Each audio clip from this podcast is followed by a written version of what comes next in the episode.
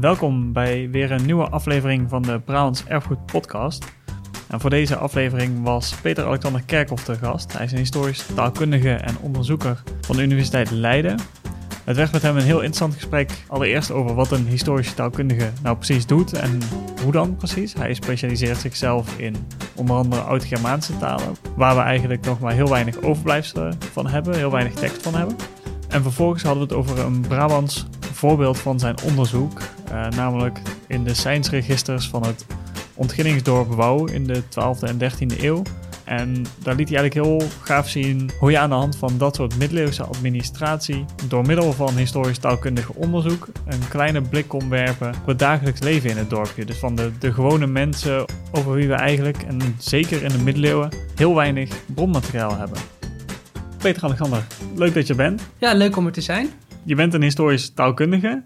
Wat doet hij precies? Een historisch taalkundige is een taalkundige die zich bezighoudt met de oudste fases van de taalgeschiedenis van een bepaalde taalvariëteit. Dus bijvoorbeeld een historisch taalkundige voor het Nederlands, mm die houdt zich bezig met de oudere fases van het Nederlands. Nou moet ik eigenlijk zeggen dat ik een historisch taalkundige ben die zich bezighoudt met de oudste fases en ook historisch taalkundigen die zich bezighouden met, ik zeg maar wat, 19e eeuwse dialecten ah in, in Tilburg. En voor mij wordt het eigenlijk saai als je heel veel bronnen hebt. Dus die dialecten in Tilburg in de 19e eeuw, dat laat ik graag aan de collega's over. Ik vind het dan veel interessanter als je vanuit hele kleine puzzelstukjes, de enige puzzelstukjes die over zijn, iets moet zeggen over de vroegste geschiedenis van het Nederlands.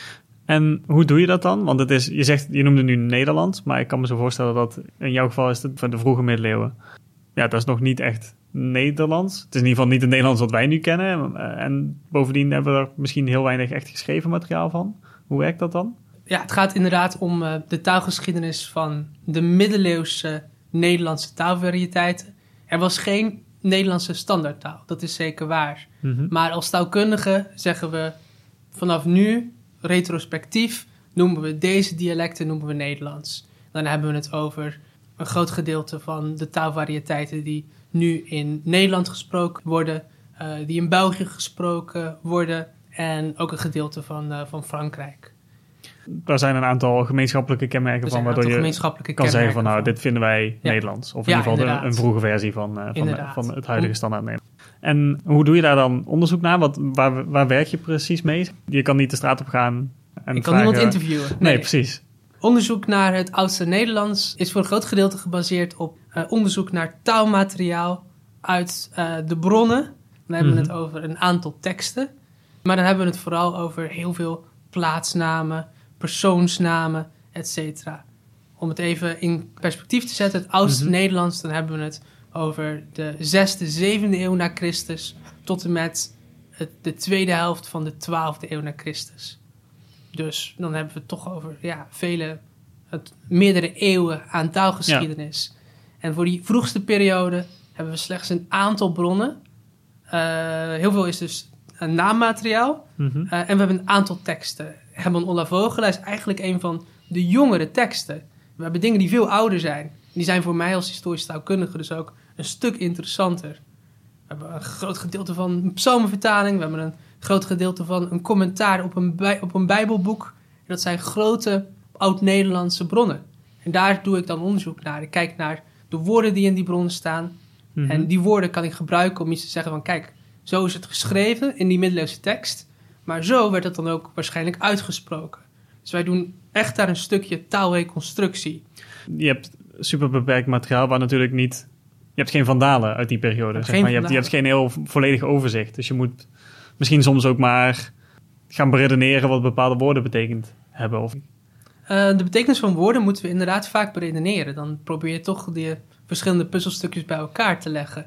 Uh, de reconstructie mm uh, is een andere bron die ons bij het Oud-Nederlands brengt. Dus we hoeven ons niet alleen te baseren op wat er daadwerkelijk in de teksten staat, zoals een historicus mm dat wel moet doen. Ja. Een historisch taalkundige kan ook reconstructie doen en dat gebeurt op basis van jongere taalfases.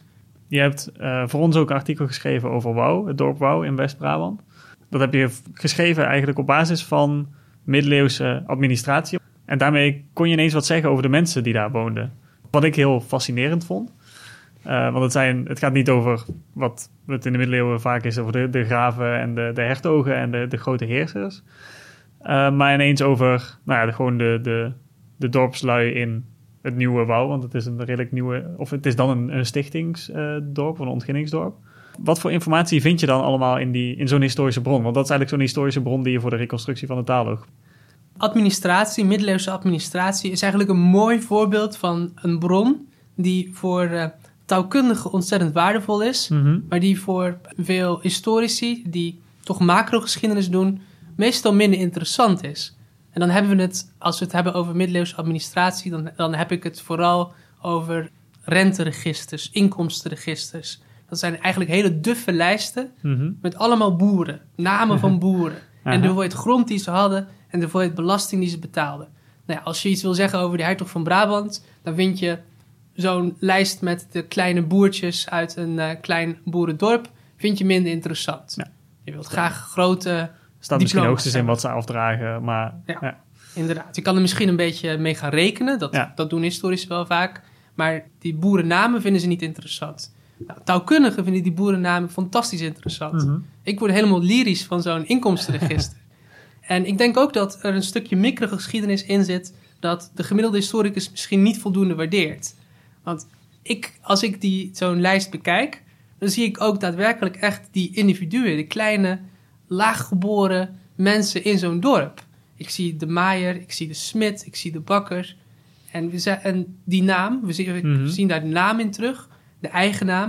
Maar er zitten ook allemaal toenamen bij. Die toenamen, daar zit een stukje cultuurgeschiedenis in, wat ik persoonlijk erg interessant vind. En wat voor dingen kom je dan allemaal tegen in die namen? Dat zijn nog niet de, de, de achternamen zoals wij ze nu kennen natuurlijk. Ehm, je had niet dezelfde, per se dezelfde naam als je vader, zeg maar, of dezelfde achternaam. Wat voor informatie vind je daar dan in? Inderdaad, ehm, een toenaam is nog geen achternaam Mhm. in die periode, in de middeleeuwen, in eh, de 13e, 14e eeuw. En je hebt verschillende soorten toenamen. Eh, je hebt eh, toenamen die bijvoorbeeld afkomst weergeven. Dus die bijvoorbeeld zeggen van Diederik uit een Hagendonk. Mhm. eh, waarmee wordt aangegeven dat dit een persoon is die Diederik heet, waarvan de familie hoogstwaarschijnlijk niet uit de woonkern komt waar ze nu in wonen, maar dat iedereen in die woonkern zei van ja, maar dat is er eentje uit Hagendonk. En Hagendonk was dan een plek Hagendonk ergens. was een plek die Ja. dan verderop lag. Dus dat is een belangrijke, ja, dat is altijd een belangrijke en leuke bron. Heb je Geografische van- toenamen. Ja, de, de geografische mobiliteit van, een, eh, van een groep. Dat zijn namen als Van, van Antwerpen, van. Turnhout, van Breda, et cetera. Ontzettend leuke namen. Je hebt ook toenamen van beroep. Mhm. Dan heb je namen als eh, de molenaren, eh, de volders, ja, de bakker, de maaier, de dekker, et cetera. Dus beroepsnamen zijn erg interessant. Eh, en je hebt ook toenamen die eigenlijk in wezen bijnamen zijn. Dus dat Mhm. zijn bijnamen die iets zeggen over de reputatie, over de dorpsgemeenschap, over hoe dit individu bekend stond in dat dorp. Een bepaalde persoon kan bijvoorbeeld eh, Jan de Blijde worden genoemd. ja, Jan de Blijde. Jan, ja. klinkt, dan, Jan was dan vast heel gezellig. Het was vast een gezellige Jan. Maar je hebt ook namen als eh, Willem Bille. Dus, Oh. eh, ja, dus iemand die Willem Achterwerk werd genoemd. Dat is ook heel, heel normaal. Ja. int- Intrigerend om dan het verhaal erachter te willen Inderdaad, weten eigenlijk. verhaal, dat- daar gaan we nooit meer achter komen, ben ik bang. Dat verhaal achter, achter die bijnamen kennen we niet. Maar het geeft wel een heel persoonlijk beeld van, van zo'n eh, gemeenschap. En ik vind dat heel bijzonder. Ja, het is echt een inzicht in de, echt in de sociale kant van het dorpsleven. Zeker met die, met die bijnamen. Ja. Daar zit een verhaal achter. Of daar zit een grap of, of misschien wel iets heel vervelends achter of zo. Dat verhaal kent het hele dorp, maar wij hebben nu alleen de naam. En denk ik, ja, waarom Ja. zou die in vredesnaam eh, meneer Achterwerk heten? En in zo'n, eh, dat is zo bijzonder, aan zo'n inkomstenregister, bijvoorbeeld het inkomstenregister van Wouw uit 1359, Mhm. dat ik heb bestudeerd, krijg je echt een, eigenlijk een glimp van de hele dorpsgemeenschap in één Ja. jaar. Op basis van de namen en de toenamen en het grondbezit van al die verschillende dorpelingen. Ja, gaaf. Daar kan heel- je kwalitatief onderzoek mee doen. Bijvoorbeeld kijken van, ja kijk, hoe, is- eh, hoe is zo'n naam geschreven? Mhm. Zitten daar dialectkenmerken in? Ehm, waarom werd iemand de Blijde genoemd? Waarom werd iemand de Ketter genoemd? Et cetera. Eh, maar je kunt er ook eh, in zekere zin, zin eh, kwantitatief onderzoek mee doen. Dus je zou bijvoorbeeld iets kunnen zeggen op basis van mobiliteit. Geografische mobiliteit waar komen die, dorps, uh, die dorpelingen nou precies vandaan? Heb je met die, met die namen die naar een plaats uh, verwijzen bijvoorbeeld heel veel aan. Ja. En die registers bevatten die alleen mannen?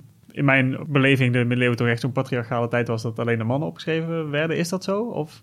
Ja, dat is wel een beetje het beeld dat je zou verwachten inderdaad. Mm -hmm. Dat uh, echt, ja, zo'n katholiek religieuze gemeenschap, dat daar ja, de man het hoofd van het gezin was. maar dat is niet wat we in deze 13e, 14e eeuwse registers tegenkomen. Daarin vinden we alle belastbare personen in zo'n dorpsgemeenschap, de gewone mm -hmm. Uh, boerendorpelingen. En daarin komen we toch voor een, een goede 10% zijn de mensen die uh, belasting moeten betalen, zijn vrouwen. Oh, dat ja. is inderdaad meer, veel meer dan ik had, had verwacht. En kunnen we iets zeggen van waarom dat dan is? Nou, dat heeft waarschijnlijk te maken met uh, het erfrecht. Mm -hmm. Dat op dat moment gangbaar was in dit gedeelte van, uh, van Europa. En daarin zijn wel degelijk voorzieningen waarin vrouwen grond konden vererven, grond konden bezitten, indien bijvoorbeeld er geen uh, broers zijn die een bepaalde erfenis op zich konden nemen. Als dat gebeurde dan nog, ook geregeld. nog de enige, de enige dochter was of zo. Als er uh, iemand de enige dochter was, ja. Uh, en dan konden die kennelijk toch land bezitten en komen ze op die manier toch in die administratie ja. terecht. Dat kan een gedeelte van het antwoord zijn. Een ander gedeelte van het antwoord zou ik zeggen is dat er waarschijnlijk een gedeelte van levende boerengemeenschap, nou, dat we daar heel, heel slecht zicht op hebben. Dat er een gedeelte van dat levende boerengemeenschap, vooral als het gaat om uh, uh, de positie van vrouwen, mm -hmm. dat het voor ons nog onduidelijk is. Onder welke omstandigheden mm. kan een vrouw grond in haar bezit krijgen? Want wat er uit die inkomstenregisters naar voren komt, is dat het niet alleen om grondbezit gaat, waarin vrouwen toch een hele prominente rol mm -hmm. spelen, maar ook bijvoorbeeld dat heel veel mannen, uh, ook een goede 10%, uh, geïdentificeerd worden op basis van wie hun moeder was. Oh, dat is helemaal een bijzondere situatie. Ja, dus in plaats van dat er wordt gezegd Jan Willemszoon, wordt er gezegd Jan Liesbethzoon. Ja, en dan heb je al niet die verklaring die we net hadden voor uh, ja. de vrouwen die erin komen. Maar dan is er kennelijk nog iets anders aan de hand. Inderdaad. Ja, dan uh, hebben we toch te maken met, denk ik, een geval waarin een vrouw mogelijk het hoofd van het gezin was. Waarom, dat weten we niet. -hmm. Maar dat, dat lijkt daar toch uit voor te komen. Ja, dat, dat impliceert het natuurlijk Dat impliceert wel, het, ja. ja. Wie, wie, ja, wie, is deze Diederik? Wel, deze Diederik is de zoon van Lisbeth. Ja, in plaats van de zoon van Henk zoon, of ja, wat dan ook. Dat, dat, geeft aan dat die Henk er niet toe doet, in ieder geval op dat moment. Nee, of niet meer is, of wat dan ook. Of niet meer is. Of, fascinerend. Ik vind het ook wel fascinerend hoe je op deze manier dus kennelijk een, een blik hebt op die sociale... Echt is de, het lokale sociale leven eigenlijk. In dit, in dit geval van je artikel gaat het dan vooral over wouw. Maar dat kan ongetwijfeld nog op veel meer plekken waar we die... Uh, in Brabant kan dat, uh, kan dat op heel veel plekken. Het bijzondere aan Brabant is dat we heel vroeg in uh, uh, de 13e eeuw, begint het, 14e eeuw vooral, 15e eeuw, mm -hmm. hebben we toch een redelijke hoeveelheid, enkele honderden aan seinsregisters, aan belastingregisters. In Holland vind je dat niet. Dat is echt hm. iets, iets zuidelijks. Dat komt natuurlijk voort uit het historische gegeven dat dit gebied eerder begonnen is met administratie op een andere manier dan in het noorden. Waar minder steden waren, waar... Dus dat is eigenlijk ook nog gewoon een hele grote uh, wereld ontginnen. In een zoektocht naar dat sociale leven in de zegt 13e, 14e eeuw. Of in ieder geval de, de, in de middeleeuwen in Brabant. Ja, daar valt uh, oh, nog heel veel uit te halen. Ja. En um, als ik je... Ik vind het fascinerend, maar dat komt ook omdat ik historicus ben. En ik, ik denk dat veel uh, mensen die luisteren daar wel mee eens zouden zijn. Maar waarom, waarom doen we dit nog? Nou, zoals we eigenlijk net uh, ook al een beetje uh, hebben uitgelegd, uh, is dit een unieke bron mm -hmm. op deze oude dorpsgemeenschappen. Dus er zit een stukje ontsluiting van het historisch verhaal in, dat op een andere manier niet, niet toegankelijk is. Dus we komen echt in deze bronnen de oudste levens van deze kleine dorpelingen tegen. Ja, de oudste gewone levens. De oudste gewone, ja. Het leert ons dus eigenlijk verder kijken dan de grote namen uit de, laten we zeggen, politieke geschiedenis, de grote hertogen. Inderdaad, ja. Uh, het geeft ons toegang tot de gewone dorpsgemeenschap. En dan een blik misschien ook op wat de handelingen en de acties van die grote, van de machthebbers op zo'n dorpsgemeenschap of op de gewone, tussen aanhalingstekens, mensen had.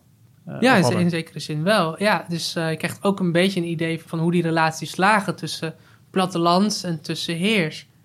En dat gaat in, in dit gedeelte van Brabant, in het westen van Brabant, is dat ook een interessant beeld. Want voor de 12e, 13e eeuw, ja, dan, dan zit je eigenlijk nog in het laatste restant van de horigheid. dan hebben we te maken met onvrije boeren. Die boeren die eigenlijk als een soort van slaven aan de grond uh, Ja, de wa- bo- waren gebonden. Ja, de grond van de heer gebonden waren, Ja. eh, zeg maar. Ja. Ja. Maar daarnaast was niet alle grond in het bezit van de adel in, in Brabant.